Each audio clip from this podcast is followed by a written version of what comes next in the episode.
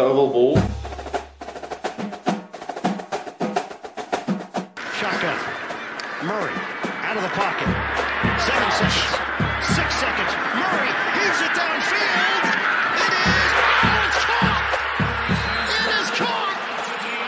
DeAndre Hopkins. Miraculous. I play in the NFL. I think I play in the NFL. I think I play in the NFL.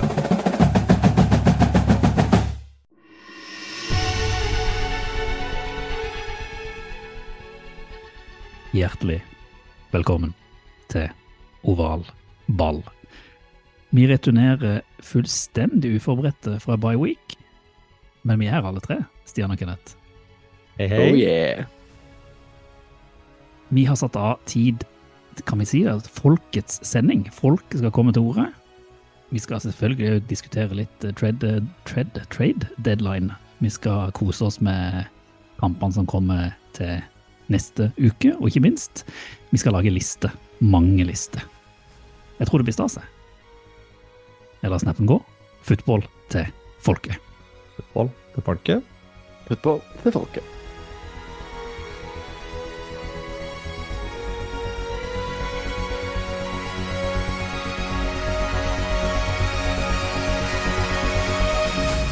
Det var jo på nippet at vi fikk det til denne gangen òg. Nå lever livet hardt. Ja, det er uh, det tynneste rekken, holdt jeg på å si. Høsten er ganske tung med kids. da. Sykdommer og soving og klokkestilling og det er ikke måte på. Ja, Det er mange utfordringer. ja, jeg skjønner, det er harde bud. Og du Stian, du har, sittet, du har ikke noen kids du trenger å bekymre deg for, du bare jobber. Bare jobber. Eh, men jeg klarer å legge bort det for det her. Når dere kan, så kan jeg, stort sett. Ja, det er bra. Stort sett. Men det, det ordner seg. Vi, eh, nei, det er jo ikke høst lenger hos oss, Reir. Det er jo vinter. Stemmer. Så vi tar det inn, setter oss inn, fyrer i peisen, lager litt podkast. Det, det var på tide nå.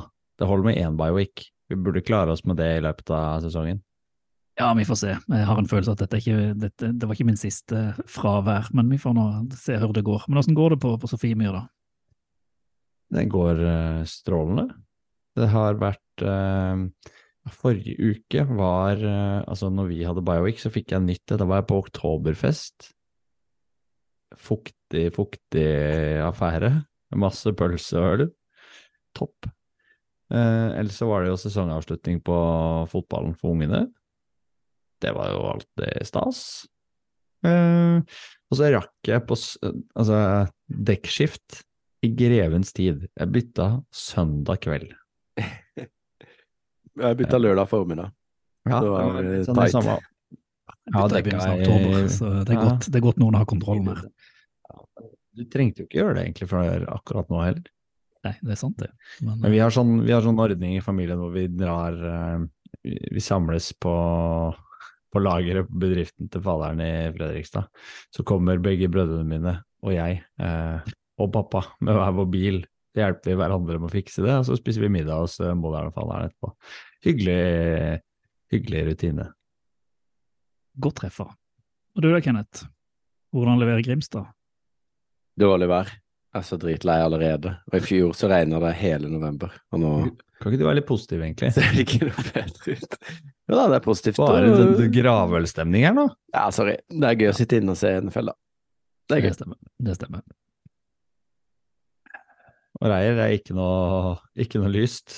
Det er mørkt hos deg òg. Ja, det er mørkt der, her er sykdommen tilbake. Og, nei, da, vi hadde bursdagshelg da for eldstemann i helga, så det var stas. Invitert familie, og han eh, kasta i seg sukker og koste seg med gaver. Og så var det jo halloween på, på tirsdag, så jeg tror han har jo liksom hatt den mest usunne uka han har hatt i sitt liv. For da fant han jo konseptet med at han kunne gå rundt og ringe på dører og få godteri av folk. Så det han lurer jo på om det er halloween hver uke. Gjør det hver dag. Ja, ja, ja. Så nå har han i hvert fall godteri for resten av året liggende i skuffa. Så det er jo det han går og sjekker hver gang han står på morgenen. Så må han bort der og så må han kikke. Godteriet mitt, ja. Mhm. Så eh, Han får ikke? Hm? Han får han ikke spise opp? Ikke alt på en gang, vet du. Vi er litt strenge på det. Ja.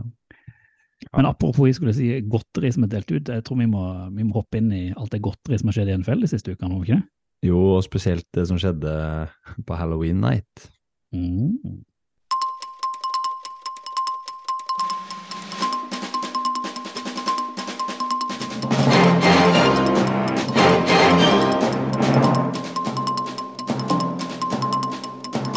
Har jo skjedd et par ting i NFL siden sist vi, vi prata. Det har vært en tread, tread Jeg sier tread hver gang. Trade deadline. Bare hold på det, tenker jeg.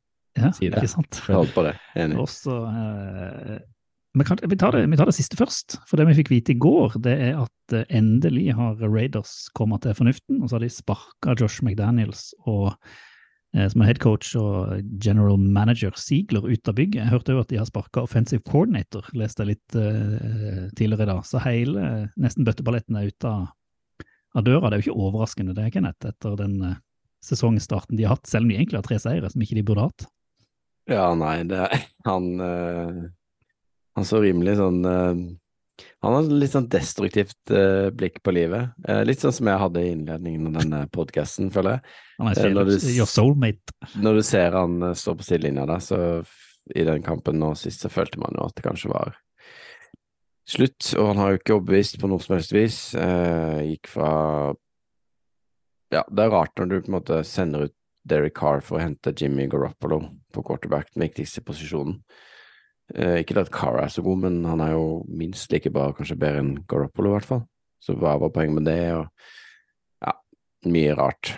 De har jo en del offensive våpen òg som ikke blir brukt nesten i det hele tatt. og Ja. Fullstendig krise. Men det er jo Krise. sånn vi, kom, Du har jo sittet og sett litt dokumentar i det siste. og vi kom over sånn, at- Det er sånn fun fact. For McDaniels har vært head coach en gang tidligere, jeg var ikke klar over dette. her, og Det var i Denver i 2009-2010. Ja. Og hvem var, det, hvem var det som var quarterback når han ble sparka i Denver i 2010? Ja, det var jo Tim Tibor, det, da. Vår mann. Jeg, jeg har sittet Reier anbefalte jo Netflix-dokumentaren Swamp Kings om Florida Gators her for eh, en par Ja, det må jo være før sesongen, nesten. du så den. Lenge siden. Men, eh, men jeg har vært litt seint late to the party, så jeg så har sett den nå i de siste ukene. Det er jo helt vanvittig bra. Tebow. Eh, for et opplegg. Og hele college-sirkuset i, i USA. Men eh, ja, Tebow eh, ble jo drafta i første runde av Denver. Og Josh McDaniels, som sikkert var et medvirkende årsak til at han fikk fyken der. Um, Så det spørs hva som skjer der nå, i Raiders. De har jo noen gode spillere. Forsvaret har vært sånn ok pluss, kanskje. Litt bedre enn forventa. Mens offensivt har de jo svikta totalt selv, med kanskje den beste, eller en av de beste wide receiverne i ligaen. Bra running back og ja Egentlig ser jo ikke så galt ut på papiret. med Renfro Nei, og ja. Men du mangler jo egentlig bare en Kube. Quarterback. Mm. Ja.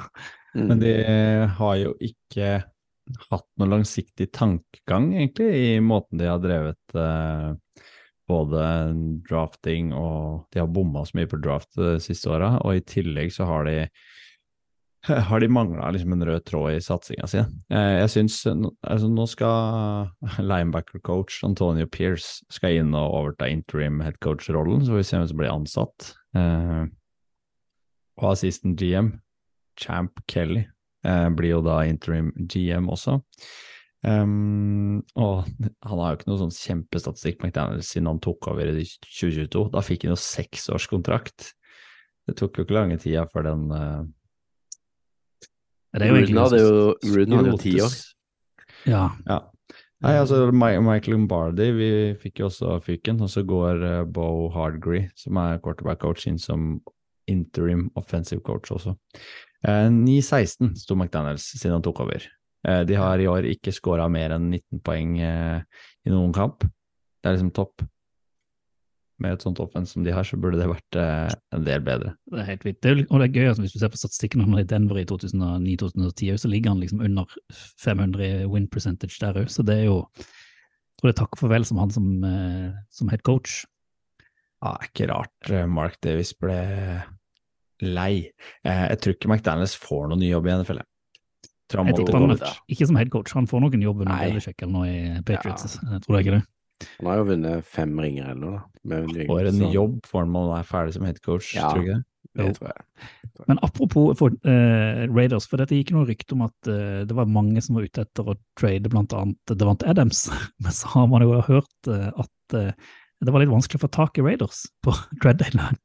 Og så har man jo innsett at det var jo kanskje fordi at de var mest opptatt av å sparke trenere ut av bygget og ikke trade bort spillere. Så det er jo en sånn interessant, artig fun fact. Men apropos trade, det har jo vært en del trades, og du Stian, du har iallfall fått eh, din yndlingsspiller til ditt lag. Ja, det er gøy. Ja, jeg må si det er i hvert fall topp eh, fem eh, spillere i, eh, i NFL som plutselig havna i Fort Niners, litt ut av det blå kanskje. At det ikke Mhm. var der Fort Niners kom til å eh, legge inn eh, aksjene. De var inne mot Russell Douglas, som vel endte opp i, eh, Bills. i Bills isteden. Eh, men så åpna det seg en mulighet for å hente, hente Chase Young, faktisk, eh, til linja. Og det forsvaret til 49ers trenger en boost. Det har de definitivt fått.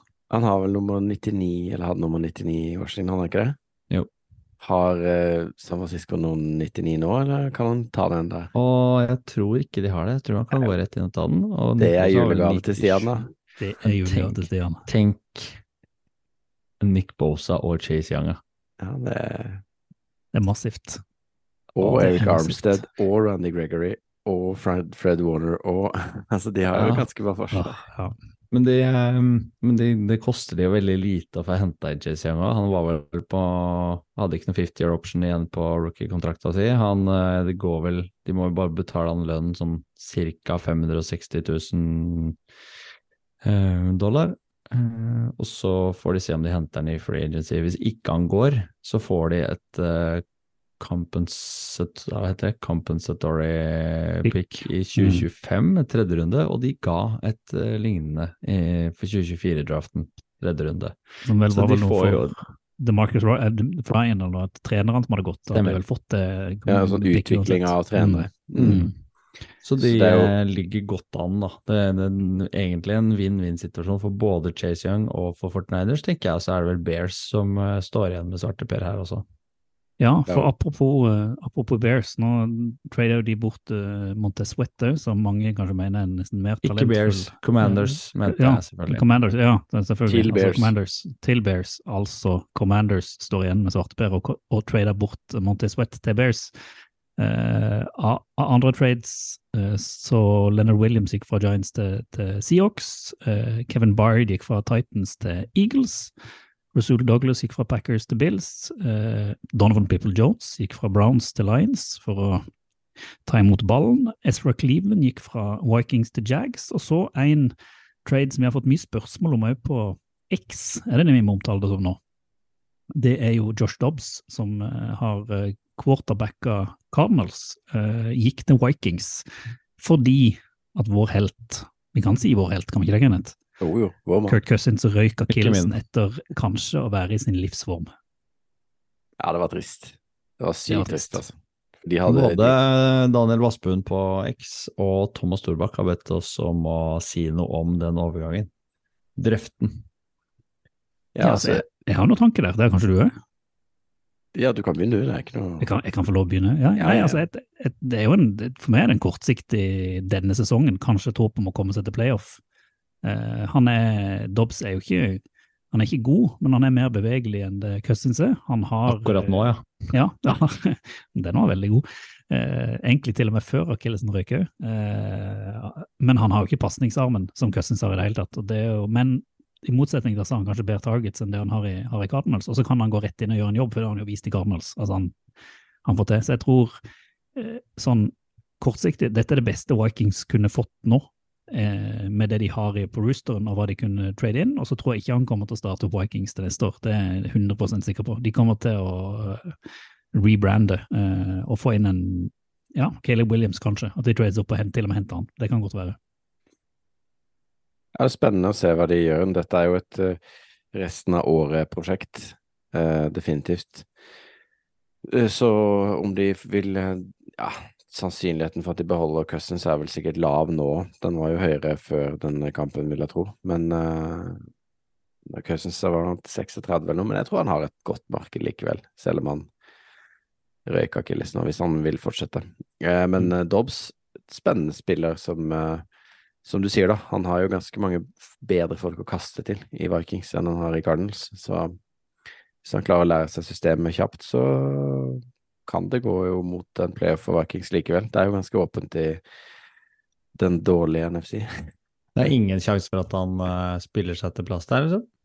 Du tror Nei, ikke det tror jeg ikke. Nei, det tror ikke jeg heller. Han er for uh, Altså, det, det ville vært For meg ville det overraske meg at når Vikings nå har en mulighet til å kunne refokusere hvem de skal på quarterback, at de legger eh, fokus på Dove, som er selvfølgelig, altså, han kan jo levere en Han har jo et toppotensial som er sykt høyt. Han har bare vært ekstremt ustabil. Så hvis han liksom blir kvitt alle feil og leverer liksom quarterback-rating opp mot Tua resten av sesongen, så er det jo vanskelig for Vikings å gå, Det gå vekk fra det. ikke. Men det, det kommer ikke til å skje. Det vet vi jo alle. Ja, ja. Mm. Men vi hadde, vi hadde fått noen flere spørsmål på X, hadde vi ikke det, Stian? Jo, det hadde vi. Hvis vi Mm. holder oss til Storbakk, som uh, stilte oss spørsmålet, da, um, om Burrow også. Om uh, Nei, om uh, godeste Dobbs til Vikings. Om det var langsiktig, eller om det er et korttidsprosjekt. Det har vi egentlig svart på. Så spurte han også om det er knytta til 49ers og egentlig Joe Burrow. Eh, om Burrow fant formen nå i Bioweek, og var tilbake nå med et smell mot 49ers, og om 49ers har mista det. Hva Tenker dere her. I- Altså, Burrow, mi, eh, mitt Bengals, eh, som jeg har som tips i Superbowl, så jo mørkt ut i starten, men de gjorde det i fjor òg. Eh, de så jo fantastisk bra ut mot 49ers, og eh, Burrow er jo frisk, ja, det vil jeg si. Han så helt eh, fresh ut. Og løp jo masse og kasta helt uh, vanvittig bra. Men det er klart de kommer ut av bye, da, gjorde de ikke det? Mm. Så da, har de jo, da er de ofte veldig, veldig godt forberedt eh, til neste kamp. Men uh, 49ers var jo skuffende, og de har da skåra 17 poeng i tre kamper på rad. Det er rart. George McDaniels uh, statistikk. Men jeg syns jo først og fremst at den, i den matchen nå, så var Bengels supersolide. De kunne skåre touchdown hvert eneste angrep de kjørte opp. Det var først og fremst det angrepet til eh, Bengals som var 100% tilbake der det var eh, i storsesongen i fjor. Mm. Og Joe Burrow var i kalasform. Og uansett hvem han kasta ballen til, eller hvordan de satte opp angrepet, så klarte ikke Niners å stoppe noe som helst. Um, så de har mista det, men jeg tror de får det tilbake igjen. Mista det litt, men ja. Jeg tror bare det er en dupp. Altså, jeg tror de, de får Bayern og 49ers, og så kommer de tilbake og, og kommer sikkert til å tape et par kamper til, og så går de fint, går de fint til, til playoff. Uh, men det som egentlig overrasker meg mest med 49ers, det er jo ikke det alle prater om, liksom Brock Purdy og offensivet, det er jo Forsvaret, som har vært NFLs klart, klart beste, og så plutselig bare, kanskje to-tre kamper på rad, så føler de liksom bare mista helt sånn piffen. Eh, og så kan du godt si at, si at eh, de møter Burrow, og Burrow i den formen han er i den kampen, eh, så er han den beste quarterbacken i ligaen, i min mening. Altså han er helt, Du finner ikke noe bedre når han er på det nivået der, men allikevel. eh, Bengals har ikke den beste offensive linja, plutselig så den god ut. Ikke sant? Det er En linje som har vært kritisert i mange år, mange år og så møter de 49ers-lag som egentlig skal spise han opp. så det, Jeg var nesten mer skuffa over 49ers enn jeg var overraska over Bengels, for helt ærlig. Ja, altså, eh, Fortniners gjør ikke en veldig dårlig angrepskamp, eller? Eh, Altså, Purdy har et par sånn misser og int som er litt unødvendige, som egentlig er dårlige valg. Men bortsett fra det, så spiller de egentlig en, en veldig god offensiv kamp også. Eh, og det er marginer som gjør at ikke, de, at ikke Jake Moody sørger for at de leder til pause, eksempel. Mm. Og setter de den, så blir det en helt annen andre omgang. Så har Purdy har fått beina i gang. Eh, kommenterte jo Tony Romo den kampen, så du fikk egentlig belyst en del av de styrkene som Brock Purdy har som quarterback. Selv om han gjør noen feil, så er han selvfølgelig ikke ufeilbarlig, og han er ung og han er eh, urutinert og trenger tid for å tilpasse seg nivået, men han har virkelig noen liksom, sett ved spillet sitt da, som, som gjør han til en, til en kommende solid quarterback i NFL. Så må man tåle at det går litt opp og ned for han òg. ja, jeg tenker han ser veldig bra ut. da.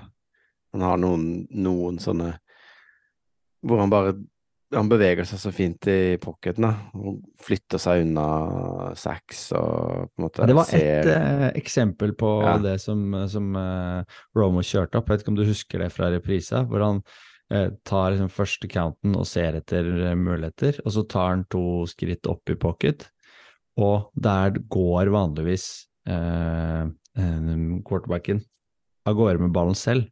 Men han, har seg tid til, å eller han tar seg tid i de to sekundene til å gjøre en ekstra read for å se etter det passingsalternativet, som mange quarterbacker ikke gjør. Og det er visst en sånn gudbenåda gave som, som ikke lett kan trenes opp, da. Men som faktisk ligger litt sånn latent i spillestilen, og som er viktig, som du ser f.eks. hos Patrick Mahomes og hos Joe Burrow i samme kampen, og som har den roen ved spillet sitt som, eh, som Purdy ser ut til å ha. Mm. Jeg er ikke bekymra for han, egentlig. Og jeg tror som Reier at dette er en liten dipp. Alle har en dipp i sesongen, og spørsmålet er bare når den kommer. Det er bra at han kommer nå, ikke kommer senere. Det er jo ofte når de som er altså Bengals er jo litt sånn i fjor for Niners også, så kom de etter hvert eh, utover sesongen. Mm. Eh, men at de skulle ha tre strake tap, er jo litt overraskende. Sånn, Ja, det er det. Det er det. Det er det. Det er det. litt, man rynker litt på nesa av det, men så tror man jo det snur. Så har vi, vi må ta ett siste spørsmål før vi hopper videre på å leke med liste. Kan vi ikke det, Stian? Det er greit. Vi kan ta Ja, Thomas var i form, han, så han stilte mm. også spørsmålet Er Chris Olave eller er det Derek Carr som er problemet til Saints? Saints er så kjedelige. Mm. Dennis Ellen, ikke det problemet til Saints? Jo, men eh, de var jo gode nå, da. Saints. De hadde jo Carr, hadde jo 300 yards, og det- Kamara kom til sin rett, og ja, det så ikke så verst ut nå. Men uh, Chris Lava leverte jo solid i fjor. Um, var jo stjernespilleren i angrepet. Ja. I år har de fått for mange liksom, alternativer. Når Michael Thomas har kommet tilbake, Rashid Shahid har begynt å levere, så blir det vanskeligere å plukke ut Chris Olave når han ikke virker å være helt i form. Har han kanskje ikke den connection til uh, Derek Carr? Jeg husker ikke helt hvordan det var som var i denne kampen. I forrige kamp, når de tapte, selv om de kunne jo fått De burde jo fått, og, eller sånn uavgjort overtid, så tok jo Carr alle checkdowns mulig å finne. Han kasta jo til Kamara hele tiden. Um, så det er jo noe greier der.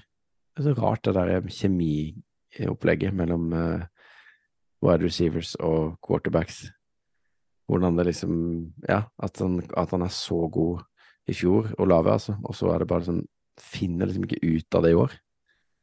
Det er rart det svinger så Mm. brått. Hva er din tanke om det der? Taysom Hill, det er min Han er jo er stjernespilleren i Saints om dagen. nei altså, jeg har ikke helt Jeg må si at jeg har liksom ikke helt forstått Saints i år. Uh, de, det er litt sånn, litt sånn som i fjor, hvor de hadde James Winston som var inne der og surra. Uh, og nå er liksom Carr inne og surrer. Det, det er liksom Jeg har Det Saints som man så under uh, Drew Brees, det er jo liksom det Saints er lengter etter. Det, hvor du har da den stabile quarterbacken som er liksom stabil på pasning, og liksom bare et offensiv som skårer 30 poeng hver kamp, nesten. Eh, Så jeg legger vel kanskje skylda på Dennis Allen i stor grad, eh, istedenfor på Cara og på Olave, for jeg tror mer det er liksom playcalling og hvordan de legger opp spillet, eh, enn det er den enkeltspilleren. Og han har flest targets, da. Mm. av receiverne til Saints. Og det er jo ikke sånn at han ikke blir forsøkt spilt på, men det er jo Shahid som gjør de største playsa, i hvert fall i den kampen her. Han har, han har tre, tre eh, mottak, han, og til sammen 153 yards. Mm. Så det er han som virkelig leverer, liksom. Vår, eh, når vi plukka ut han tidlig, vi, Kenneth, som eh, potensiell stjerne. Han satt på benken i begge fancy-lagene våre. i- Ja, gjorde det. Det var dumt. Dumt at vi glemte den nå. Kjørte Biowick på fantasy, og. Men jeg tror uh, Saints har jo et relativt høyt tak. Nå slo de jo Colts komfortabelt, da. 38-27. Ja, ja, altså de, de har jo et tak, og så har de et bunnivå som er fryktelig lavt òg. Og så er det jo den divisjonen i seg sjøl som er kanskje ikke på verdens, verdens beste divisjon de spiller i. Så jeg syns det er liksom sånn udefinerbart. Litt kjipt lag å følge for tida. Det hadde jeg aldri trodd jeg skulle si med Saints. Nei, så er kameraten din her, Kenneth, han Cam Jordan. Ja. Cam podcasten. Jordan med den nye podkasten med 34 års livserfaring. For en reklame å kjøre. Nå, først. Nå tar vi en kort pause, og så må vi begynne å lage litt liste der.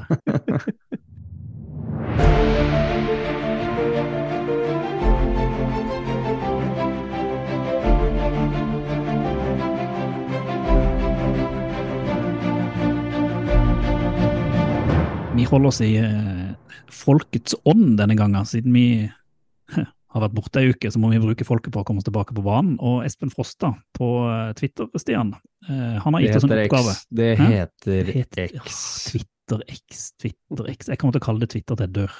Mm. Men ok, på X. Tread. Har bedt oss om å lage ei liste, og det liker vi jo. Så det må vi gjøre. Eh, Istedenfor å begynne å prate om kamper, så syns jeg vi nå er vi kommet ganske langt i sesongen. Han har Langt i uka er ja. Ja, ikke sant. Seint på kvelden er det òg. Eh, om å lage en power ranking topp fem. Eh, jeg syns vi skal lage en power ranking topp seks, for da kan vi drafte to lag hver. Eh, av sesongens største overraskelse og sesongens skuffelse. Vi kan si en topp tre av skuffelse, og så kan vi si en topp seks av overraskelse. Og det eneste eh, ekstra kriteriet jeg legger inn her, det er at det skal ikke være de seks beste lagene, men det skal være de lagene som har overraska oss mest topp seks av de lagene som har overraska oss mest i år. Positivt. Og da tenker jeg at vi kjører en sånn eh, vanlig draft. Du kan få lov å eh, begynne, Kenneth. Så Stian, og så meg, og så skal jeg få lov å begynne med skuffelse. eh, og ta det motsatt etterpå. Guess jeg skal ta positive. Du skal få lov å begynne på den som skal stå på toppen av Uvant vår for deg topp seks. å være positiv. Ja, det var derfor Ja. jeg fikk han, Kenneth. Åh, det er vanskelig. Eh, ja, hvem er overraska mest? Det er mange som har vært gode, da. Men det er kanskje ikke så veldig mange som har vært overraskende gode. Kanskje Jaguars? Ja. Kan jeg si.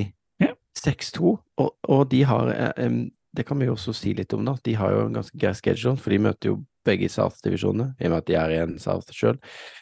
De kan få number one seed i AFC. Og da kan de bli farlige. De er jo et bra lag. Den synes jeg var bra. Da skal du få lov til å ta, ta neste, vår andreplass på årets overraskelse, Stian. Kenneth han plukka mitt lag. Ja, det, det. Bra jobba, Kenneth. Det skal du få. Men hvis jeg kan velge en eh, overraskelse, så vil jeg egentlig gå til NFC West, og så plukker jeg Seattle Seahawks, jeg. Som har stått frem som et ganske solid og jevnt spillende lag. Gjør sjelden store blundere, spiller jevnt med alle de møter, står 5-2. Um, og, og ser bare sånn gjennomsolid ut. De vinner sannsynligvis ikke divisjonen når 49ers får, uh, får fart på seg, men de gjør seg ikke bort. Veldrevet organisasjon. Um, en jevnt god quarterback og forsvar som står bra. Pete Carroll har kjemperutine på benken. Så Seahawks er et lag som både svir å møte når du spiller offensivt og defensivt.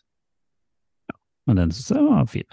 Da må jeg gå inn i skulle jeg si, lomma til Kenneth. Eh, For jeg husker når vi diskuterte før sesongen, eh, liksom eh, i Skulle sette opp hvem som vant divisjonene og sånn, vi diskuterte mye rundt AFC East, og liksom om det var Bills, om det var Jets. Eh, og alle hadde satt av Dolphins. Det var ingen som, ingen som trodde på Dolphins. Og når man ser nå hvor gode Dolphins har vært i år offensivt, så syns jeg de skal opp på den lista. For det var jo, du har jo sagt kronisk undervurdert, og det tror jeg kanskje du har hatt litt rett i, Kenneth.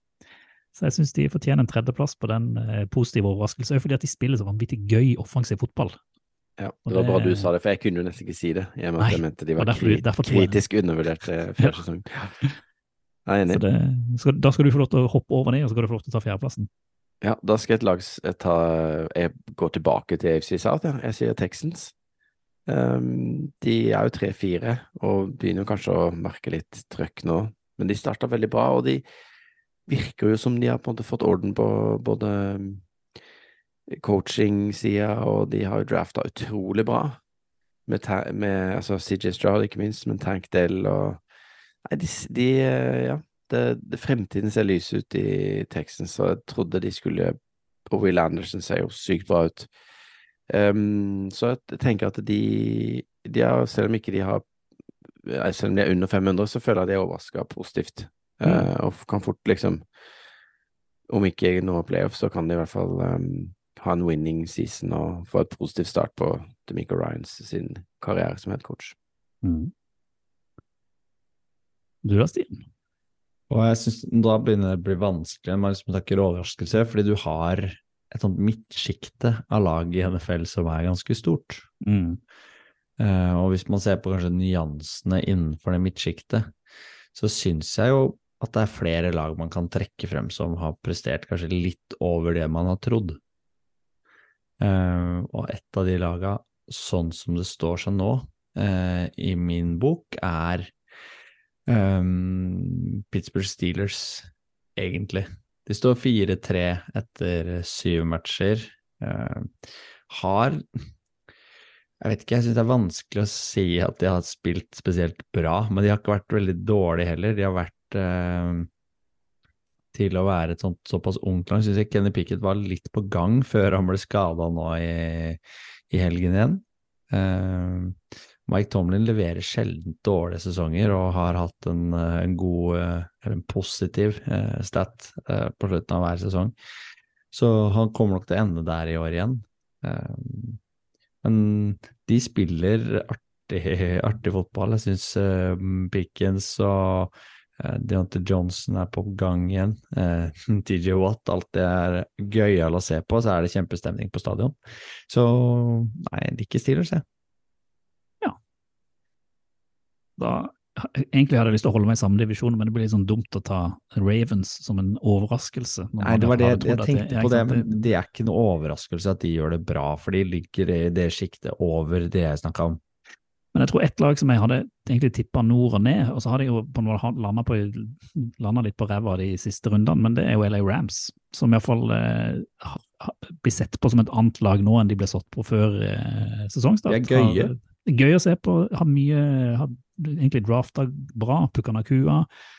Stafford er tilbake i god form, eh, leverer bra forsvar. Så er de jo selvfølgelig ikke gode nok til å ramle opp med de aller, aller beste, men de er jo Og nå er jo Stafford blitt skada.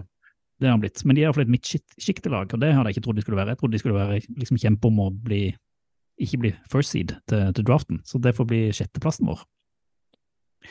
Så var det De burde jo ha nevnt. Jets, da. Ja, men de hadde vi egentlig troa på. Altså, vi Ja, men ikke etter fire minutter. kampen, Det er liksom. sant, det er sant. Jeg tenkte på det, men jeg ville ikke, for vi, vi hadde så troa på det Ja, før vi sesongen. hadde det. Vi hadde det. Det er sant. Uh, og det, det, altså, det er mye skuffelse jeg kunne, jeg kunne tatt, men jeg tenker jeg hadde, ja, det er Dumt å si hva jeg hadde tenkt å ta, men uh, kanskje det som har skuffa meg mest fordi at jeg hadde troa på at de skulle være helt der oppe, uh, det er Los Angeles Chargers, rett og slett. Jeg hadde trodd at de skulle eh, være der oppe og, og kjempe om divisjonstittel og være en utfordrer til altså nesten AFC, og så har de gått fullstendig på ræva i år igjen. Eh, altså Det er masse andre lag som har vært skuffelse, men det er en av de som har skuffa mest ut fra forventningene jeg hadde til dem. Så jeg kommer til å sette dem på førsteplass på vår skuffa liste. Veldig skuffende. Ærlig sagt, det. Mm. Hvem er det nå? Er det med? Ja. Um, Eller Stian, egentlig, for han, du Ja, begynte vel den forrige, så blir Stian spydde etterpå. nettopp. Så det er meg. Ja. Eh, jeg skal til eh, New York, New York, New York. Men til Giants. For de har vært skikkelig, skikkelig dårlig. Eh, Playoff-lag i fjor. Kom ikke langt i playoff, men de spilte i hvert fall solid fotball. De vant jo en. Ja, Mm. og de så jo ut til å være liksom inne på et nytt spor med Brandable eh, bak spakene. I år har de ikke fått det til å flyte i det hele tatt. Nå spilte de med en uh, ja, sønn til Danny DeVito som uh, quarterback, Tommy? og det så jo ikke ut. Så eh, Minus ni yards, var det ikke det de hadde? Jo, det var jo fantastiske stats som kom ut av den kampen. Det ble vel punta 15 fire ganger eller noe sånt. Ja, Um, og det var tre bak det som er rekorden i en NFL-kamp. Så jeg syns det, var- det var stort. Men Giants har sett blodfattig ut, både fremover og bakover. Det eneste lyspunktet som har stått frem litt altså Forsvarsmessig nå mot Jets så var det ikke så dårlig. Kevin Thibodeau har levert eh. Gamet. mm. Ja, synd med offsiden der på slutten. Veldig synd, Ja. eh, men artig allikevel, for det er liksom et lag i så, så sinnssykt uh, motbakke. Um, så, så Giants må på nummer to. Da skal du få- du lov til å få æren av sisteplassen på eh, Power Rankings negativ, Kenneth. Ja, da må jeg si Packers, fordi Takk, det var viktig å få de med. jeg var jo så gira på Love og ikke sant, starten av sesongen. eh, QB Love og ja, Matt LeFleur som coach of the year, og alt bare rakner, ikke sant. Nei, og Det var Coach of the Year, altså. Den skal du ha for. vi hadde, ja, vi hadde hver vår mann i North der. Ja, Føler jeg ikke godt det. Sterk Nei. eh, levering. Skuffende, rett og slett. ja. Men det, da har iallfall Espen fått, eh, fått svar på hvordan vår eh, power ranking ser ut eh, akkurat nå. Og nå tenker jeg vi, vi tar en kort pause igjen, så skal vi lage en ny liste. Mm. Topp tre. Tre topp. Pott tre. Opp tre. Topp tre. ovalballs topp tre.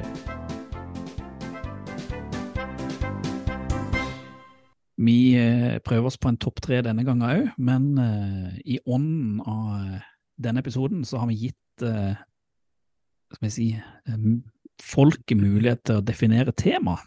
Eh, så Martin Gusterud på X, eller Twitter, som jeg ennå kommer til å kalle det til en daue, har spurt om vi kunne gjøre Half Season Award predictions, og uh, vi svarer jo folket, gjør vi ikke det? Gjør alltid. Alltid gjør vi det. Altså det jeg tenkte at vi skulle gjøre nå, det er at vi skal sette opp en topp tre-liste over eh, MVP, Opoi, Oroy, Deepoy og Deroy. Eh, kanskje vi til og med skal prate om trenere, vi får se om vi orker når vi har kommet så langt. Og for å gjøre at ikke vi skal sitte og diskutere som vi kunne gjort i mange timer når man sitter med en pils i hånda på et utested, så er forslaget mitt sånn at alle får lov til å foreslå én person til hver kategori, og så må vi bare diskutere oss om eh, hvilken rekkefølge vi skal sette de. Eh, og siden jeg er så snill, så tenker jeg Stian, vi begynner med det på første kategori, og eh, så Kenneth og så meg, og så bare rullerer vi hvem som foreslår. Den er god. Så du kan få lov å begynne på MVP-en. Hvem vil du ha inn som MVP MVP nå. Ja. Akkurat PT. akkurat nå, PT? Tariq Hill. Ja, ja. men det kan du få lov til. Kort og, kort og greit, beste receiveren i ligaen. Har vært helt ustoppelig. Klin kokosfyr. Fantastisk gøy å se på. Utfordrer uh, autoriteter. Har ikke altså uttalt at han vil bli pornostjerne i tillegg da han la opp. Fita er jo klin kokosfyr. Du da, Kenneth? Jeg må si Tua, da. Ingen som har levert med han. Nei, ikke sant? Da har, du fått, har vi to fra Dolphins på, på lista. Dette her begynner å er se jo ja, crazy. Uh, jeg mener jo at den som har vært best så langt uh, i år, sett bort fra alle posisjoner, det er AJ Brown. Uh, jeg syns han har eh, umenneskelig det han driver på med for, eh, for Eagles. Og Hurts har vært strålende, han òg, men AJ Brown har liksom ja, han har vært MVP i mine øyne. Så eh, vi har da Tua, Tyreek Hill og AJ Brown, og så er spørsmålet hva er 1, 2, 3 her, dere? Så jeg skal være ærlig, så tenker jeg Tua er 3. Jeg er egentlig enig med det. Ja, jeg kan føye meg på den. Det er greit. Ja. Jeg syns jeg er enig med Reier, faktisk. Jeg ville sagt AJ Brown. AJ jeg- Brown først. Han er Ja. always open. Åssen Mm. Svær, fantastisk uh, fyr. Men da har vi en sånn stor, ja. ja. ikke sant? Da har vi en definisjon i hvert fall på MVP nå, at vi Ja. eh, AJ Brown 1, eh, Tariq Hill 2 og eh, Tua 3 per dags dato. Fin den. Så går vi på den litt sånn kjipe kategorien Offensive Player of the Year, og da er det eneste krav at jeg får ikke lov å nevne noen av de som er blitt nevnt nå. Eh, Er det eneste krav? det er det eneste kravet. Og så Kan man de ikke vinne dobbelt? Eh, jo, men ikke denne, Ikke ikke, vår award. ikke på Oval Balls Awards. Så du skal få lov å velge først, Kenneth. Ja, da er valget enkelt. Da blir det Jalen Hurts. Veldig fint. Han er god. Han er, Han er god. god. Mm. Mm. Fortsatt veldig god. Fortsatt veldig god.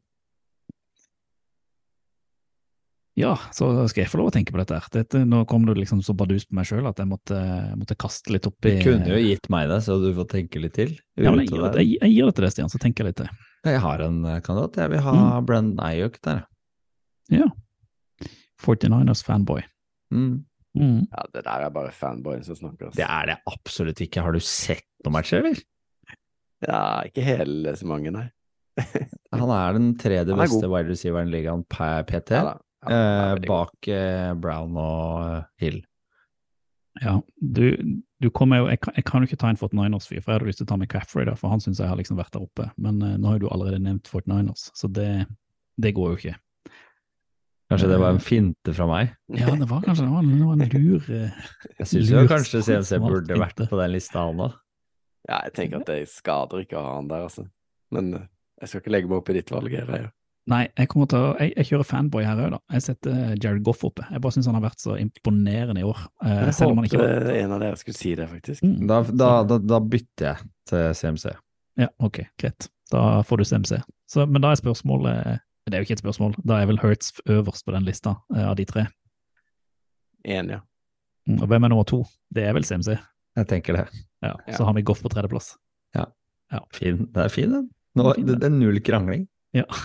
Jeg syns CMC har vært bedre enn Jalen Hurts, men Det er har jeg lagt i protokollen. Offensive. Rookie of the Year. Dere, da, da skal jeg få lov å gå først, da. Ja. ja. Og jeg mener jo basert på hele sesongen nå, så for meg er det soleklart at det er Stroud som skal stå øverst på den lista. Men det er iallfall mitt eh, Han har gått inn som rookie QB, eh, egentlig gjort Texans til det laget. Eh, de, er, de har falt litt de siste, siste kampene, men eh, jeg syns han har vært eh, ekstremt overbevisende. Mm. Er det meg? Ja. Ja, det Jeg eh, vil, fordi det har vært gøy å følge Puka Nakua. Jeg vil ha han på den lista, fordi han har levert eh, høyt over snittet av hva man kunne forvente av både han og i det laget. Så han nominerer jeg. Bra, bra nominering. Og du da, Kent? Enig. Enig. Enig begge to. Uh, jeg tror jeg nesten må gå for um, en som har liksom tatt noen ekstra steg de siste kampene, og det er Jordan Addison. Han ser jo helt sykt bra ut. Altså, Mm. snakk Tenk å ha han som nummer to. Altså, han er jo nummer én. Mm. Eh, men de har jo Jefferson, da. Altså, det er jo vanvittig bra draftpick, og ja Kommer til å hjelpe Dobbs i, i jobben. Så jeg hadde jo lyst til at Bijan skulle være på den lista, men jeg føler ikke han liksom har levert nok, altså. Har ikke vært der. Enig i det. Enig i det. Så hvem, er hvordan rangerer vi det, disse her, da? Vi kan ta det sånn som vi sa det. Stroud? Nakua. Nakua, Nakua. Addison. Er Ja, jeg syns det er en kul, bra. kul, liste. En. Kul liste. Kul liste. Da skal du få lov å begynne enda, Stian, på Depoy. Ja, den er jo enkel. Hvis man får velge først her nå, så er det én mann som har vært uh, Monster Man. Eh, og den er vi nok enige om alle sammen, så der hadde vi sikkert sagt samme. Uh, Miles Garrett har vært helt eksepsjonelt eh, maskinmann eh, i Browns-forsvaret, som kanskje har vært det beste forsvaret i, i NFL også. Mm. Ja, altså, jeg må si helt enig. Sånn, sånn overlegen eh, foreløpig i sesongen. Så det Er din tur, da, eh, Kenneth. Ja, kjør du. Jeg føler at det er sånn eh, vanskelig. Mm. Jeg vet ikke. Du vet ikke? Jeg har lyst til å si, jeg lyst til å si Michael Parsons, da, men han er liksom Jeg føler ikke han på en måte har prestert så høyt som han burde, da. Og så har jeg lyst til å si Max Crosby, for han er så alltid så synlig. Og, og han er jo Men det er kanskje fordi bare han er den eneste som er god i det forsvaret til, til Raiders, men han er jo liksom Jeg sier Crosby, altså. Forsvaret aleine, er han ikke det? Mm. Jo, jo. Han er jo helt vill bak der. Han var jo helt fantastisk med Lions òg. Og, Mm. og, og jeg syns det er vanskelig, for jeg syns liksom Mike Garrett har stått, stått ut. Og så har du liksom Du har jo de der Du har disse her eh, vanlige TJ Watt og Men jeg, kanskje den som har stått ut for min del, eh, og det er sikkert bare kanskje basert på de siste kampene, fordi at eh, det er altså Trey Hendrickson i Bengals. Han har vært helt enorm for Bengals eh, denne sesongen, og har liksom tatt et nytt nivå. Eh, så han blir vel min eh, nominerende til, til den lista. Eh, og jeg tror uten diskusjon så setter vi bare Miles Garrett på toppen, og så er det spørsmål om vi setter Crosby eller Henriksen på, på to og tre. Hva tenker du, Stian? Jeg kunne godt satt Henriksen på nummer to, jeg. Mm. Jeg vil ha Crosby på nummer to, men to mot én, samme. Da vant jeg den, så da ble det nummer to på, på, på Henriksen. Det er greit. Eh, men du skal få lov å starte da på, på D-Roy, eh, Kenneth. Ja, da sier jeg Devon Witherspoon fra Seahawks. Mm. Mm. Han har vært liksom en ganske maskin. Cornerback kommer inn og dominerer. Litt sånn som Sås uh, gjorde. Altså, det var jeg les- altså, I fjor så var det snakk om at det er ikke så lett å komme inn som ny corner og være kjempegod. Eh, men Mm. han har vært veldig god. Starta litt tregt, men har kommet veldig, veldig i det siste. Eh, så han, eh, han eh, han ser veldig bra ut. Og så kunne man jo nevnt han Gonzales, hadde sikkert vært her òg, i denne diskusjonen. Men han ble jo skada. Mm. Nei da, men han er jo skada, så det er ikke noe aktuelt. Men han var også en corner som har kommet godt inn i ligaen. Men uh, jeg sier Witherspoon, i hvert fall. Ja, jeg, har, åh, jeg kan ikke ta en corner til, det blir for dumt, gjør det ikke det? Jeg hadde, jeg hadde veldig lyst til å ta Branch Alliance, men uh, er ikke han eh, safety? Ja, ja, det er safety, det er sant det. Han er ikke corner, han er safety. Uh, men jeg, jeg kommer nok til å Jeg må nok si Jalen Carter i Eagles. Uh, han har iallfall sånn statistisk sett levert, og jeg er jo ikke glad i tall, men han er jo den som har levert best og er oddsfavoritt for uh, å vinne den foreløpig, og har levert eh, meget godt for et eh, relativt godt Eagles-forsvar i år òg. Så han får bli min kandidat. Ja, det er eh, Jeg, jeg syns det er vanskelig å velge da etter de to, for det var de to jeg hadde liksom De to vil jeg ha. Så jeg er egentlig åpen for forslag fra dere på de neste. Hvis dere har Men det var én en wildcard, en som jeg bare har lagt merke til. Uh, Ja. det, og det er han Tuli Tupolutu, eller hva han heter for noe i Chargers. Hver Ja, gang jeg har sett Chargers, så har han liksom stått ut som en sånn der eh, dominant forsvarer. Og så er han, jeg, jeg var ikke klar over at han var rookie engang, så lite har jeg fulgt med. Artig valg, men jeg tror nok jeg kanskje ville lande på Will Anderson, selv om han ikke har hatt så mye sex. så Han føler han er sånn eh, Eh, Han var først jeg Dominant figur. på, men han mm. Ja. La oss si, la oss si Will Anderson. Kunne hatt inne Joey Porter og Brian Brancher, de har vært gode, men jeg tror kanskje Will Anderson er den som har stått best ut. Han har vel vært hakket hvassere. Ja. Så blir vel det rekkefølga av, eller? Jeg tror nok det. Eller skal vi bytte om på deres to? Jeg er egentlig enig at Witherspoon er den som er for min del kanskje har stått aller mest ut. Også, selv om Carter er oddsfavoritt, så kan jeg gjerne Jeg, ha jeg, på toppen. Jeg vil egentlig ha Carter først, jeg. Ja, men det var mer det to mot én, da, Kenneth. Ja, vi kjører Witherspoon Vi først. kjører Witherspoon på toppen. Han, har jo, han, liksom, han hadde en sånn sinnssyk hit, og han Ja, ja, vet ikke, han bare Han er så synlig, på en måte. Jeg liker det. Ja. Ja, du vi ser jo ikke Jalen Carter, han er så liten. Jo, men han er liksom inne i midten. Han er liksom inne i Gjør midten. Gjør ikke noe ut av liksom seg. inne og slåss, mens Witherspoon er ute alene på sida. Litt mer skinnlig type. Ja. Ja, da eh, lurer jeg på at eh, Vi skulle jo kåre Coach of the Year, men jeg lurer på om vi heller skal, bare skal spare den litt. Grann. Er det greit, det? Og så kan vi komme litt tilbake til den eh, om noen få straks. det. Ok.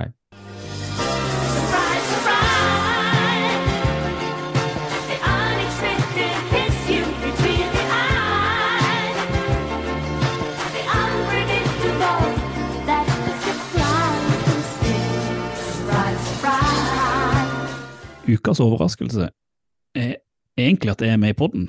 Eh, men At det ble pod. at det ble pod, og at eh, greide å- vi alle tre er her, det er kanskje ukas overraskelse. Mila Kenneth. Fytti katta. Ja, vær litt glad, Kenneth. Eh, men vi må jo lage en liste til. Jeg merker at liste er noe av det gøyeste jeg vet, og det å drafte liste er iallfall noe av det gøyeste jeg vet. Så det vi skal gjøre denne gangen, gutter, det er at vi skal drafte topp ni trenere i NFL. Eh, og jeg har egentlig ikke noe krav til at det skal være head coaches, det kan være offensive coordinators, det kan være QB coaches, hvis dere er ute etter det. såpass, ja. Ja, ja, ja. Jeg vil bare vite denne sesongen her, så vil jeg ha topp ni, topp eh, trener i NFL, og eh, hvem skal få lov å begynne? Siden jeg har overraskelsen, så kan ikke jeg begynne. Så kanskje Kenneth, du kan begynne? Da skal jeg begynne med nummer én eller Du kan begynne begynne nummer én, ja. Åh, Det er vanskelig. Det- Tenk å begynne på nummer ni, og så glemmer vi den som er best. Ja. ja. Uh, jeg går for Nick Sirianni, altså. Jeg må bare følge, uh, selv om det er litt statistikk altså. De er så gode. 21. Mm. Kjempegode i fjor. Han har jo vært supersolid. De mista begge, både offensive og defensive coordinator, før sesongen, og er 7-1. Mm. Det er kjempemessig, altså. Selv om det er bra lag, altså, for all del, men de har jo kommet kanskje litt tregt i gang og vunnet litt sånn jevne kamper, men ja. Begge, mister begge eh, eh, koordinatorene og er 7-1 og beste lag i NFL. Det, det er nummer én for meg, altså. Gjerne skal du få lov å sitte andreplassen. Andreplassen for meg er Andy Reid i Kansas City Chiefs. Han eh, Det har- har lugga litt i starten av sesongen, men eh, jeg tror det er på vei til å snu nå. Det var masterclass eh, sist. Det kommer flere av de. Jeg må jo basere meg tror jeg, på denne sesongen, hva jeg syns. Og da Du har liksom masse franchises som har, som liksom har slitt og slitt og slitt. Du ser det på Raiders nå, de greier ikke snu skuta. Men det er det en som har greid å snu skuta, ser det ut som nå, det er Dan Campbell.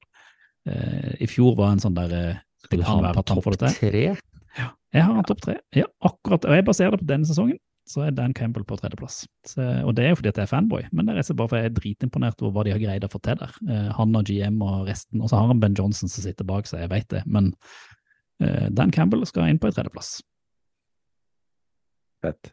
Mm. Um, da er det meg igjen. Jeg går for Pete Carroll. Jeg syns de er bare så gøy. De kvitta seg med Wilson, og alle pillene pekte ned. Og så bare har de har de vært gode i fjor. Kjempegode i år. Eh, draft og bra. Forsvaret ser bra ut. Gino ser helt grei ut. Eh, ja. Jeg liker Carol, altså. Gammel. Han er vel nesten Er han eldst i NFL? Ja, han er vel da 70 nå, ikke det? Ja. Ser ung ut fortsatt. Tygg og tyggis. Mm. Resurgence. Spiller quarterback på trening. Ja, han ser bare Ja, jeg tror jeg, jeg liker Seahawks. Type. Jeg ser nå at ja, Campbell kanskje ikke passer sammen med alle disse, men det driter jeg i. Din tur, Stian. Min tur. Jeg skal ha Mike McDaniel. Mm. Eh, vi har han der oppe, eh, både fordi han er den morsomste trederen i ligaen, og fordi han i debutsesongen nå eh, Han gjør seg jo absolutt ikke bort, han. Hørte du blant, Forresten, han, de har jo dratt til Tyskland og Dolphins. Hørte du hva han sa når han kom inn på pressekonferansen for første gang? Nei. Yes, I know, I look bigger in person. Så du han ble konfrontert med, eller hørte du, han ble konfrontert med han som hadde kledd seg ut som han på halloween? Så Nei. du den videoen jeg sendte Ja, dere? han, kid, han kidden som Ja. Uh, uh, Eh, eh, sa at det kan jeg ikke forholde meg til, det finnes ikke. Han klarer ikke å etterligne den store brystkassa mi. Ikke sant? Den Kidden hadde jo større brystkasse. Nei. Nei, men den er fin, men McDaniel kan få den femteplassen. Da må jo led, jeg tror kanskje jeg må dra dette ja, jeg, jeg, må, jeg må jo basere det på i år. Uh, Shanahan må jo inn her, uh, på en, på en sjette, sjetteplass. Han er jo en uh, sønn av sin far, men allikevel. Han eh, har levert, og det han gjør med 49ers er jo kjempeimponerende, selv om de har hatt en liten dipp. Så han fortjener en eh, sjetteplass på topp eh, topp ni-trenere. Ja. Da er det med igjen, da. Det er det. Det er ikke så lett, altså. Jeg har jo lyst til å si um, Egentlig lyst til å si Ben Johnson, men jeg, jeg tenker liksom han kanskje kan eh, komme inn på niendeplass på et eller annet tidspunkt. Hvis det, Ny head coach i Raiders. men eh, jeg så jeg sier Jim Harboy. Nå møtes jo mine to her nå. Seahawks Ravens neste uke, men eh, det var jo masse spørsmålstegn knytta til um, Ravens inn i sesongen. De har vist seg å være veldig gode. Og nytt offensivt system, ny offensive coordinator. Han eh, ja, stabil. Mm. Stabil fyr. Og bra. Ja. Da er det meg. På, Da er det er, det er vi på åttende? Da er vi på åtte. Mm. Ja, da tenker jeg det er på høy tid å trekke fram uh, Bills Mafia og Sean McDermott, som også har hatt et solid uh, lag å jobbe med, da. Uh, kanskje, ikke, kanskje uten å lykkes helt, eh, men har liksom en spillestil og en måte å gjøre ting på i Bills som jeg gjør de underholdende på mm, begge sider av banen, egentlig. Så han fortjener å være på den lista vår. Ja, da skal jeg komme inn med en rask niendeplass, og det er jo mannen som aldri har en losing season, og det er Mike Tomlin i Steelers. Og det ser ut som han denne sesongen er greier å holde seg over 500, så han uh, syns jeg fortjener plassen foran Ben Johnson på vår eh, topp uh, top ni-liste. Så er han så sykt kul. Han må være med på lista. Ja, ja, ja. Nei, men det er nydelig. Den lista her er jeg veldig fornøyd med, gutter. Jeg syns vi, vi, vi traff godt. Vi traff godt. Så jeg håper jo dere der ute sender oss en mail eller en sur melding på Twitter, eller X som dere andre kaller det, eh, eller Instagram eller Facebook, hvis dere har eh, både innspill til denne lista eller til andre typer lister der vil vi skal ta opp i podden i løpet av sesongen, når vi får mulighet. Det er det beste jeg har hørt. Dette er gøy. Det der, det er fett. Oval ball anbefaler. Ingen oval ball uten en anbefaling. Og Stian, hva anbefaler vi til folket denne uka? Nå, skal vi til Frankfurt, og vi skal til NFL i prime time på søndag klokka halv fire. De tar etter London. Første kamp på tysk jord. Eh, 5. november også, halv fire. Miami Dolphins mot Kansas City Chiefs. Køl umulig å få billetter til den kampen. Prøvde på det i sommer. Havna som nummer 632 000 i køen. Eh, glem det. Det gikk ikke. Så Har det det vært en bedre kamp noen gang i primetime eh, for eh, folket? Det kan jeg aldri huske. Nei, det kan det er ikke rart at folk vil over å se det der. Det er Det må jo være eh, hysterisk. De Ja, prøvde Hvor seg er jo du, Kenneth? Hvorfor sitter du hjemme? Tua-drakta di, du skulle vært i Frankfurt. Ja, det, Mm. det er pinlig. De var vel i Spilte Tom Brady i Tyskland i fjor? Mm. Da var vi nummer 350 000 i billettkø, var vi ikke det? Ja, det tror jeg tok mer av. Tenk å få sett Mahomes mot Tua i Frankfurt. Ja. Kanskje Taylor Swift dukker opp òg, hæ? Her blir det det bare tut og kjør. Konsert. Og så 12. november skal det spilles ny kamp der. Da er det Colts mot Patriots. Det er ikke like fett, Ikke det samme schwungen. Nei. men det blir fullt det òg. Så skru på TV-en halv fire på søndag og se på Dolphins mot Chiefs. da. Nei, hva skal du se på? Rundens utvalgte. Vi vender blikket framover. Det er ei ny uke med både litt bias og eh, Vi er halvveis. Vi er halvveis. Vi er halvveis, ja det er vi hjemme. Vi er halvveis, uff, det er trist egentlig, for da er det jo bare Da begynner det å nærme seg slutten. Ja, uff, uff, uff, uff, Kenneth er fornøyd, jo- han er ferdig på det, han er sliten. Du, han er seint, alene. For dere som sitter der ute, så begynner vi å bikke over elleve på kvelden her, så det er Oi, tungt for småbarnsfedrene. Ja, ja, ja. Mm. Ja, si mannen som aldri sover. Men drit nå i det. Kenneth, siden du var så snill med meg og valgte ut kamp til meg, den podden som aldri ble noe av, at jeg skulle få lov å se Lions som ble knust av Ravens, det var at tusen takk for at jeg fikk lov å sitte og se hele den. Det var ikke mitt valg. Nei, det, men derfor gir jeg Kenneth førstevalget nå allikevel, så kan du prøve å velge noe som sårer deg dypt mens du sitter og ser på det eh, til helga. Nei, ja, det kan hende jeg gjør det. Som du anbefaler går, folket da, selvfølgelig. jeg går rett på Sunday Night, altså. Eller mandag 02.20 for vår del, da. Med Bills mot Bills at Bengals. Den er fin. Åh, det er fin kamp, ass. Det er jo helt kanon, kanonkamp. Men tro, Så det tror tror dere, jeg for. tror dere DeMar Hamlin kom til å spille den? For det var vel, var det ikke denne han kollapsa i fjor? Var ikke det mellom Bills og Bengals, og den ble avbrutt? Stemmer det? Ja, han, jeg vet ikke om han har spilt så mye i år. Han har jo, de har en veldig dyp safety-gruppe, så Mm. han har vel vært Kan jo hende han ble litt redusert av det som skjedde, da. Jo, men han, han var jo bra. Han fikk jo Han ble jo ikke kutta, liksom, men det er klart det var jo sikkert vanskelig å gjøre det. Men uansett så er jo Bengels er jo på vei tilbake, eh, og Bills eh, har jo aldri vært ute av noe som helst, egentlig. Så det er jo en kjempeoppgjør. Mm. Potensielt eh, Én kjempeoppgjør. Nå begynner det å bli god. eh, Nei, sa ett? Nei. Nei, du, du hører ikke etter. Det er du som er trøtt her. Vi venter på Eh, opptaket bare. De, eh, de, eh, de kan jo potensielt møtes i playoff eh, i januar. Eh, Dette blir en uh, rakkarukare. Så de, for de som holder seg våkne, ikke meg, som skal se den i opptak, selvfølgelig, eh, så er det verdt det. Det er verdt det. Det er verdt det. En annen kamp som jeg tenker det er verdt å se, som man kan holde seg våken til. Jeg kommer til å holde meg våken til å se første omgang, og så legger jeg meg og ser jeg andre omgang i opptak når jeg våkner opp på morgenen. Eh, sikkert sånn fem-halv seks-tida, siden vi har stilt klokka, og barna våkner altfor tidlig. Men det er en annen podkast. Det er Er det en podkast om det? helt sikkert det finnes en podkast om alt. Tror du ikke det Stille klokka-podkasten? Den må jo eksistere et eller annet sted. Sure eh, småbarnsfedre-podkasten. Det er vel egentlig blitt ovalball, men eh, ja, jeg skal legge det vekk. Cowboys Takk mot for dere sjøl. Jeg er ikke med på den sure og tverrtryne ponden dere kjører. Ja, eh, Cowboys mot Eagles. Eh, eh, nå vil Kenneth eh, at vi skal forte oss her. Det er iallfall eh, mener er den beste kampen i eh, liksom hovedvinduet på, på søndag. Det er jo divisjonsoppgjør. Eh, Eagles eh, må forsvare ledelsen i divisjonen, og Cowboys kan endelig vise at de har noe de skal si. Så jeg tror det kan bli en spennende kamp. Jeg tror det kan bli masse poeng. Og jeg er dritspent på hvordan den er. Så den mener jeg folket må tune inn på. Du da, Stian? Ja, det er et kjempelett valg, denne runden som kommer. Vi må se den ultimate eh, ovalballfavoritten.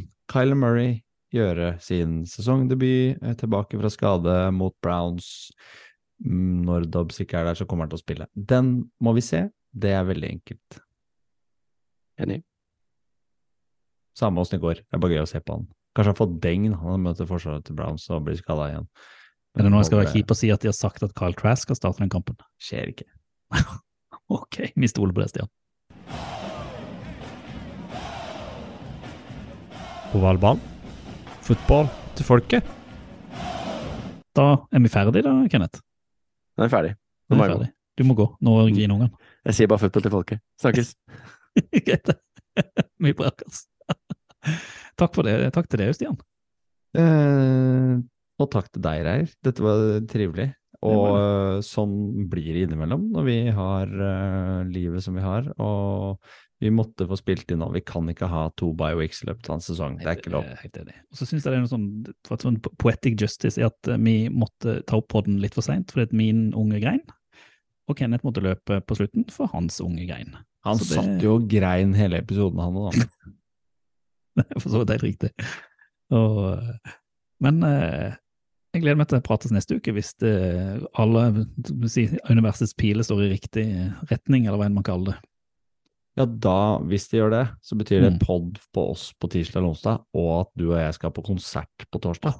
Vær så snill. Og at eh, det er nesten viktigere enn pod. Det blir, blir stas. Drikke øl og gå på konsert på torsdag, det skal bli eh, fancy. Og så må jeg bare si én ting til folket der ute. Sånn, vi skal ikke være skuffa, men uh, vi, det vi var, det, var, det var så hyggelig sist. Det var liksom å kunne få lov å lese opp uh, leserbrev eller mails vi hadde fått om uh, fotballrelaterte ting. Noen skal til Frankfurt. Noen skal til Frankfurt. Kan ikke dere sende oss en mail og fortelle åssen det var? Så kan vi lese den opp her i podden, til og med spille av lydklipp hvis dere har. Eh, Det syns vi er så stas. Når ikke vi får lov å dra der sjøl, så har vi veldig lyst til å høre hvordan det var for dere som var i Frankfurt, eller så kampen på en pub i Fredrikstad eller i Stavern eller Ålesund. Altså, bring it on. Vi eh, bringer det videre til, til folket. Enig. Men da takker jeg for nå. Kenneth er borte. Digg. Vi skulle nesten tatt en time til, da. Ja, noen har mer eh, overskudd enn andre. Jeg sier eh, det var stas, og fotball til folket, Stian. Fotball til folket, Reir. Do the Titans have a miracle left in them in what has been a magical season to this point? If they do, they need it now. Christie kicks it high and short. Going to be fielded by Lorenzo Neal at the 25. Yeah, give it Pitches to- it, back to Wycheck. He throws it across the field to Dyson. He's got something. 30, He's got something. 50. He's got it. 40, He's got it. 20, 10. He's got it. End zone. Touchdown Titans. There are no flags on the field. It's a miracle. Tennessee